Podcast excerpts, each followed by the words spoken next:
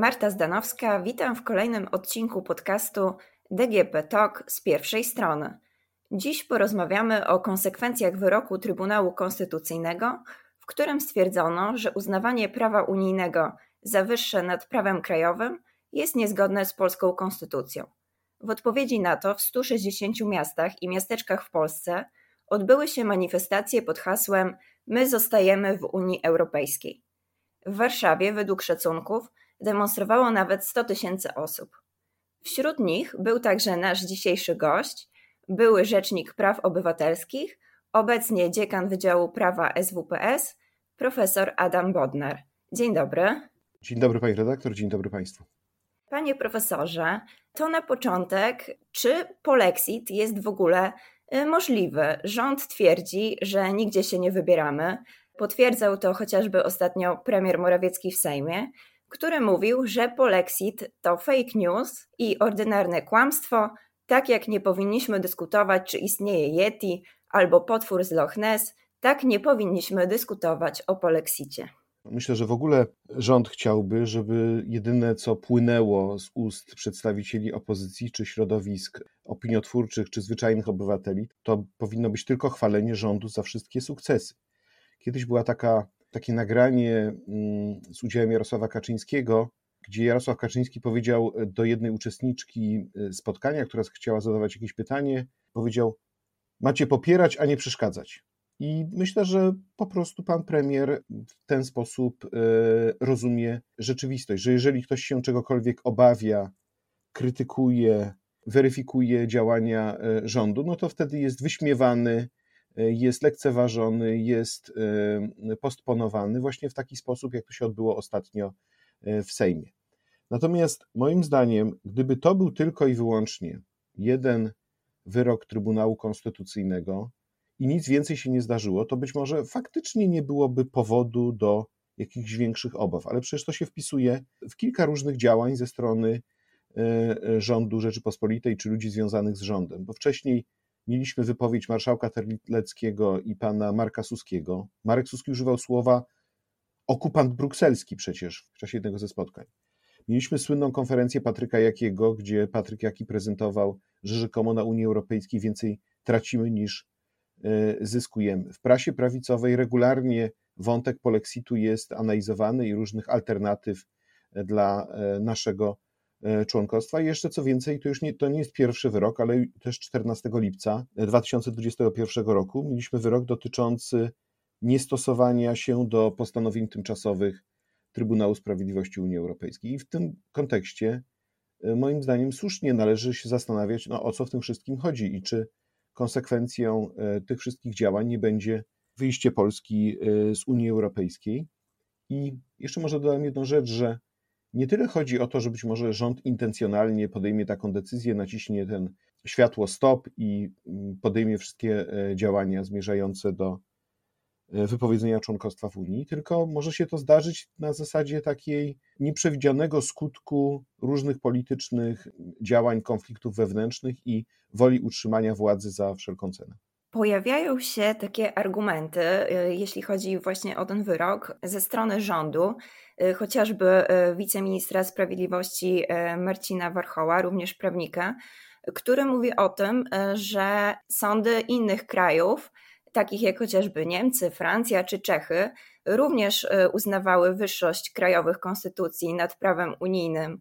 W sytuacjach, w których uznają, że instytucje Unii, takie jak choćby Trybunał Sprawiedliwości Unii Europejskiej, przekraczają swoje kompetencje. Dlaczego te kraje mogą, a Polska nie? Po raz kolejny w polskiej debacie publicznej e, sięga się w sposób manipulacyjny do argumentów e, porównawczych z innych jurysdykcji. Przypomnijmy, że e, ten argument był najczęściej eksplorowany w kontekście zmian w Krajowej Radzie e, Sądownictwa i wtedy przedstawiano, jak to w Hiszpanii jest dokładnie tak, jak chcemy w Polsce wprowadzić i że przecież mamy prawo do tego, bo inne państwa tak właśnie zrobiły. I właśnie w tego typu argumentacji celowali głównie minister Warchoł oraz pan minister Kaleta, którzy stali się w którymś momencie mistrzami w tej komparatystyce prawniczej. Tylko po pierwsze, trzeba brać pod uwagę kulturę prawną danego państwa, a po drugie, co tak naprawdę się czai za rogiem, czyli jaki jest cel tych zmian i tych działań, które są podejmowane przez organy władzy. Nie ulega dla mnie wątpliwości, że w przypadku sądu konstytucyjnego, czy to Francji, czy Niemiec, czy Republiki Czeskiej, nie mamy do czynienia z sądami, które byłyby pozbawione przymiotu niezależności. Zawsze, jak nawet były podważane różne pojedyncze zasady dotyczące prawa unijnego, to odbywało się to na zasadzie swoistego dialogu y, sądowego, czyli wskazywania, że chcemy zwrócić uwagę na ochronę określonych wartości y, konstytucyjnych, natomiast po jakimś czasie w pewnym sensie dochodzono do porozumienia w kontekście tego, jak należy stosować prawo unijne i prawo krajowe, ale nikt, podkreślam, nie miał wątpliwości co do niezależności sądu konstytucyjnego. W przypadku naszego Trybunału Konstytucyjnego ta niezależność już w zasadzie została utracona na początku 2017 roku. Od tego czasu nie mamy już niezależnego Trybunału. Było już kilka orzeczeń, które były e, ewidentnie nakierowane na osiągnięcie określonych celów politycznych, jak na przykład orzeczenia dotyczące zgromadzeń cyklicznych, dostępu do legalnej aborcji, orzeczenia dotyczące wykonywania zadań tymczasowych przez, przez Rzecznika Praw Obywatelskich, czyli K20 na 20, czy teraz kolejne orzeczenie. Trybunał Konstytucyjny stał się po prostu narzędziem sprawowania władzy i władza nawet nie ukrywa, że, że ma bezpośredni wpływ na e, Trybunał, że ma bezpośrednie relacje e, z Trybunałem. Nawet sama pani prezes Przyłębska nie udaje kogoś, kim nie jest, no, o czym chociażby świadczą te jej ciągłe obecności na różnych uroczystościach, łącznie z meczami i siedzenie w, w loży rządowej.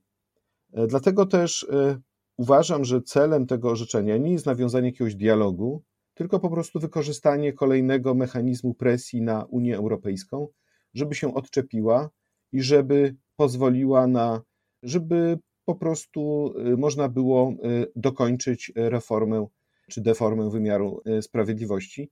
Z jednej strony mamy takie, powiedziałbym, świeżotoszkowate używanie, faryzejskie może raczej, używanie właśnie tego typu argumentów porównawczych, a z drugiej strony mamy wypowiedzi ministra Wójcika, który mówi, że szkoda, że minister Morawiecki się tej Brukseli poddaje, bo już dawno byśmy walcem przejechali, byłoby po, po sprawie. No to tu nikt nie kryje, że chodzi o podporządkowanie sędziów władzy y, politycznej, czyli osiągnięcie dalszego etapu budowania państwa niedemokratycznego. Ale rząd podkreśla, że Trybunał Sprawiedliwości Unii Europejskiej y, no właśnie nie ma kompetencji, jeśli chodzi o organizację y, polskiego wymiaru sprawiedliwości, że jest to suwerenna sprawa naszego kraju jako państwa członkowskiego.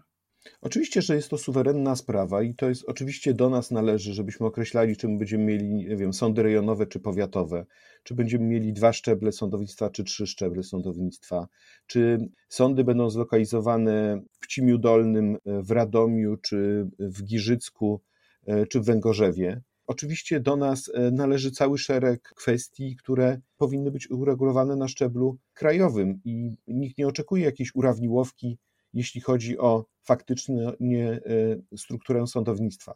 Ale jak to robimy, to musimy zagwarantować, że sądy pozostaną niezależne, że po prostu sądy będą sądami, a nie aparatami e, orzeczniczymi służącymi interesom e, władzy.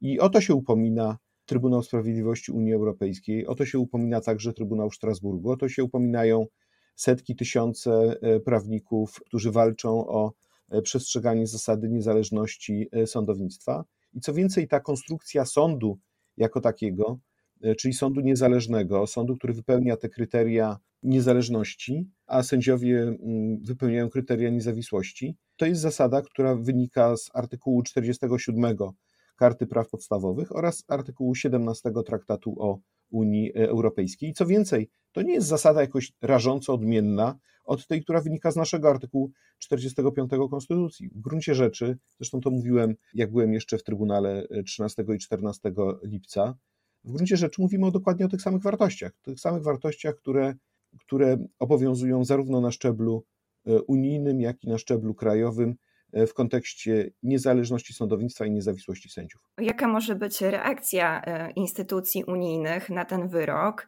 czy możemy na przykład, co mogłoby być szczególnie dotkliwe, e, nie otrzymać unijnych pieniędzy?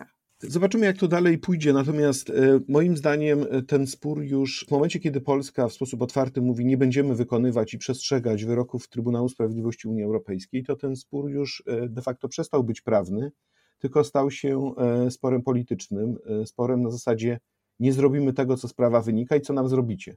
Dlatego tutaj pojawia się kwestia zastosowania y, instrumentów politycznych. Nie do końca wierzę w to, że teraz Komisja rozpocznie nowe postępowanie przeciwnaruszeniowe w stosunku do Polski w kontekście tego wyroku. Oczywiście Komisja powinna to zrobić, żeby nie zostawiać takiego gołego pola. Natomiast jeżeli władza z góry mówi, nie wykonamy wyroku, no to cóż z tego, jeżeli kolejne postępowanie przyniesie podobny rezultat, czyli stwierdzenie naruszenia prawa unijnego. Myślę, że Komisja też może cały czas ma i toczy się postępowanie w tym zakresie e, w kwestii nałożenia kar finansowych za e, niewykonywanie wyroku w sprawie Izby Dyscyplinarnej e, w Sądzie Najwyższym. Natomiast te instrumenty polityczne to w istocie sięgnięcie po instrumenty natury finansowej i już teraz to obserwujemy, a mianowicie zawieszenie płatności środków z Krajowego Planu Odbudowy jest może nie sankcją, ale jest pewnym działaniem jednak politycznym, nieukrywanym przez Komisję Europejską, ale co więcej, działaniem, które ma nie tylko poparcie ze strony samej Komisji, ale także ze strony wielu państw członkowskich, które nie wyobrażają sobie, dlaczego pieniądze z Unii Europejskiej, które są wynikiem większego zadłużenia się Unii Europejskiej, mają teraz płynąć do państwa, które staje się coraz bardziej e, niedemokratyczne, które nie ma jasnych zasad e, wydatkowania środków publicznych.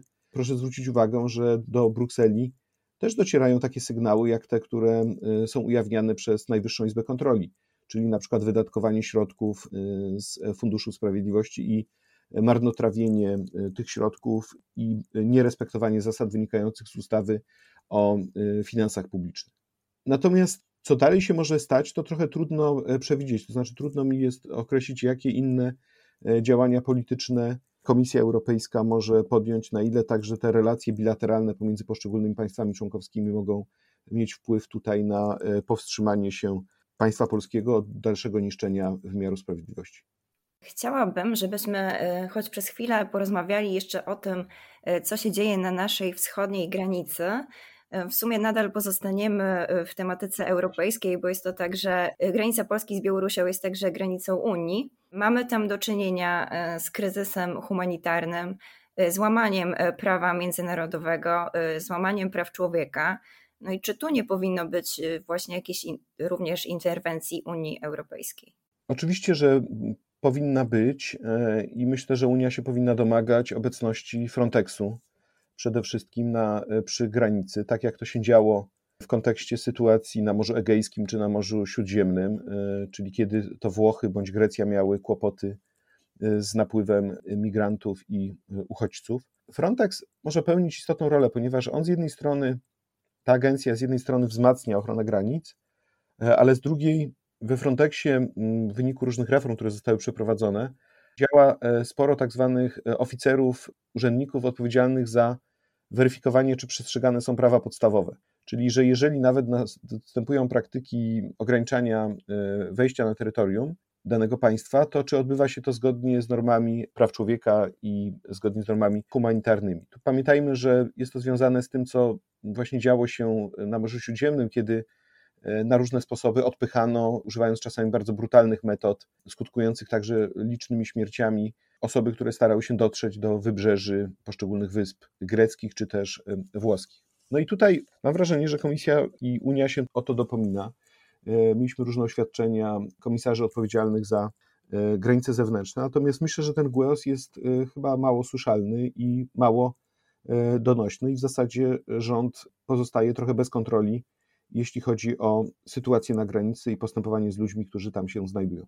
A jak y, według Pana, y, zgodnie z prawem, y, rząd powinien teraz tę sytuację na granicy rozwiązać? Powinien przede wszystkim przestrzegać obowiązującego prawa, prawa, które wynika z konstytucji oraz ze standardów międzynarodowych i nawet najlepsze rozporządzenia nie mogą zastąpić tych standardów. Czyli po pierwsze, nie powinien stosować praktyki pushback, bo jest to praktyka rażąco sprzeczna z prawami człowieka. Po drugie, powinien udzielić pomocy humanitarnej wszystkim osobom, które granice przekroczyły i mogą znajdować się w złej e, sytuacji. Po trzecie, powinien dopuścić adwokatów do możliwości reprezentowania tych osób, a rząd konsekwentnie tego odmawia. Po czwarte, rząd powinien szczególną opieką otoczyć te osoby, które mają status wrażliwy w świetle prawa międzynarodowego, czyli kobiety, dzieci oraz e, ofiary e, tortur. Czyli po tej wstępnej identyfikacji, kto przekracza granicę, te osoby o szczególnym statusie powinny mieć ochronę. I to wszystko się dzieje, to znaczy tutaj mamy do czynienia z rażącym naruszeniem praw e, człowieka. Co więcej, mamy już wydane postanowienia tymczasowe przez Europejski Trybunał Praw Człowieka, które są przez rząd polski nierespektowane. To wszystko się skończy prędzej czy później odpowiedzialnością zarówno przed Trybunałem Praw Człowieka, jak również być może odpowiedzialnością karną e, poszczególnych osób, które są odpowiedzialne za te nadużycia. A czy myśli pan profesor, że jest e, szansa e, na jak, jakąś wspólną politykę Unii Europejskiej wobec uchodźców, na przykład na relokację? Ja myślę, że jest wielka szansa i myślę, że powinniśmy dążyć w Unii Europejskiej do stworzenia jednolitej polityki migracyjnej, bo bez tego będziemy właśnie w takich różnych sytuacjach. Także nawet nie, nie będzie jasne, jak skutecznie chronić e, granic zewnętrznych, ale też jak przyjmować te e, wnioski, e, jak dzielić się odpowiedzialnością za sytuację. Natomiast ja bym powiedział, że w tej całej sytuacji aktualnej jest taka swoista ironia losu. A mianowicie proszę zauważyć, że jak był kryzys uchodźczy we Włoszech oraz w Grecji, to Polska całkowicie zamykała na to oczy. To znaczy nikogo kompletnie, może poza przedstawicielami organizacji pozarządowych, może poza Caritasem to e, nie obchodziło. Polska, jak był kryzys uchodźczy w 2015-2016 roku, to wykorzystała retorykę antyuchodźczą do tego, żeby budować e, nowy rząd Prawa i Sprawiedliwości, żeby budować poparcie polityczne. I nawet decyzja pani premier Ewy Kopacz o tym, żeby przyjąć w ramach relokacji uchodźców, nie spotkała się z akceptacją. Pamiętam, ja to, to dobrze pamiętam, ponieważ jak zaczynałem kadencję, to akurat jeszcze zacząłem za czasów Ewy Kopacz. Później e, zmienił się rząd i pamiętam, że na samym początku rząd e, najpierw e, redukował liczbę osób, które w ramach relokacji miały być przyjęte do Polski. Najpierw to było 400 osób, później 90, a później już w ogóle rząd powiedział, że nikogo nie przyjmie.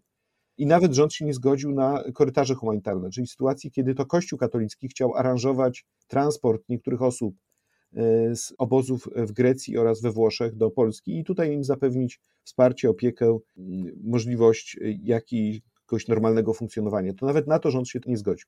I teraz co mamy? Mamy E, sytuacji, kiedy to Polska e, staje się ofiarą działań ze strony innych państw. Wtedy to była Turcja, teraz to jest Białoruś Polska musi sobie z tym, tym poradzić. E, I, I co? I teraz w tej sytuacji Polska ma postulować, żeby inne państwa unijne pomogły, no to one mogą zadać pytanie, no dobrze, ale to gdzie byliście pięć lat temu? Dlaczego nas wtedy zignorowaliście? Dlaczego wtedy pokazaliście się z najgorszej, najgorszej strony? A myślę, że to jest oczywiście jedno z rozwiązań, to znaczy wspólna E, refleksja, wspólne zastanowienie się, wspólne tworzenie polityki e, migracyjnej. Tylko, że e, trzeba w takich sytuacjach zachować się zawsze lojalnie, bo jeżeli tej, tej zasady lojalności nie ma, no to wtedy jest utrudnione wspólne rozwiązywanie problemów. Ale myślę, że rząd w takiej sytuacji również będzie odbijał piłeczkę, że w innych krajach Unii Europejskiej właśnie podczas tego kryzysu w 2016-2015 roku również były łamane prawa człowieka. Oczywiście, że tak, no ale to czy my mamy się zachowywać na zasadzie takiej, że tak jak to było w czasach e, PRL-u, prawda, a w, a w, w Ameryce biją murzynów, tak, bo to jest mniej więcej tego typu poziom argumentacji. Albo jesteśmy państwem, które respektuje prawa e, człowieka i stara się tak zaaranżować funkcjonowanie całego państwa, żeby w takich trudnych sytuacjach sobie z tym poradzić w duchu E, naszej konstytucji, naszych umów międzynarodowych, ale także w duchu naszych doświadczeń historycznych. Polacy też byli uchodźcami kiedyś. Polskie dzieci uciekały do Iranu i były tam bardzo godnie przyjęte e, dawno temu. Nawet my mieliśmy nawet niezłą kartę w czasie wojny czeczeńskiej, kiedy e, sporo uchodźców do Polski trafiło i jakoś potrafiliśmy okazać im wsparcie i pomoc. Natomiast jeżeli my stosujemy zasadę, że odpychamy każdego, kto przekracza, nie dajemy złożyć wniosków, pozwalamy, żeby ci ludzie się plątali po lasach i w tych lasach e, ginęli.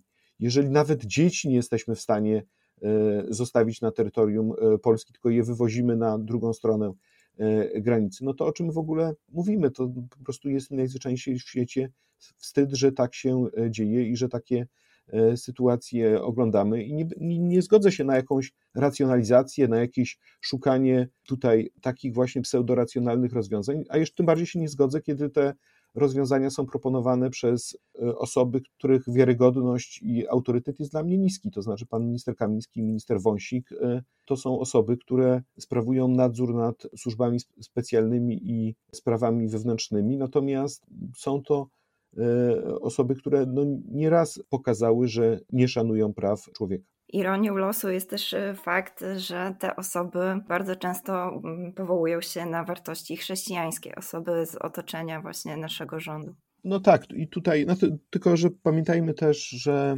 jeżeli już mówimy o wartościach chrześcijańskich, że też ta cała sytuacja pokazuje, kto naprawdę te wartości chrześcijańskie realizuje. Dla mnie taką grupą ludzi, którzy tak działają, to są przede wszystkim lekarze, pan Jakub Sieczko i 41 innych lekarzy, którzy pomagają na granicy. To jest coś absolutnie dla mnie niesamowitego. To znaczy, że lekarze mają taką siłę i determinację, żeby tam właśnie na granicy być i w pewnym sensie samodzielnie zapewniać wbrew państwu na własną rękę pomoc humanitarną.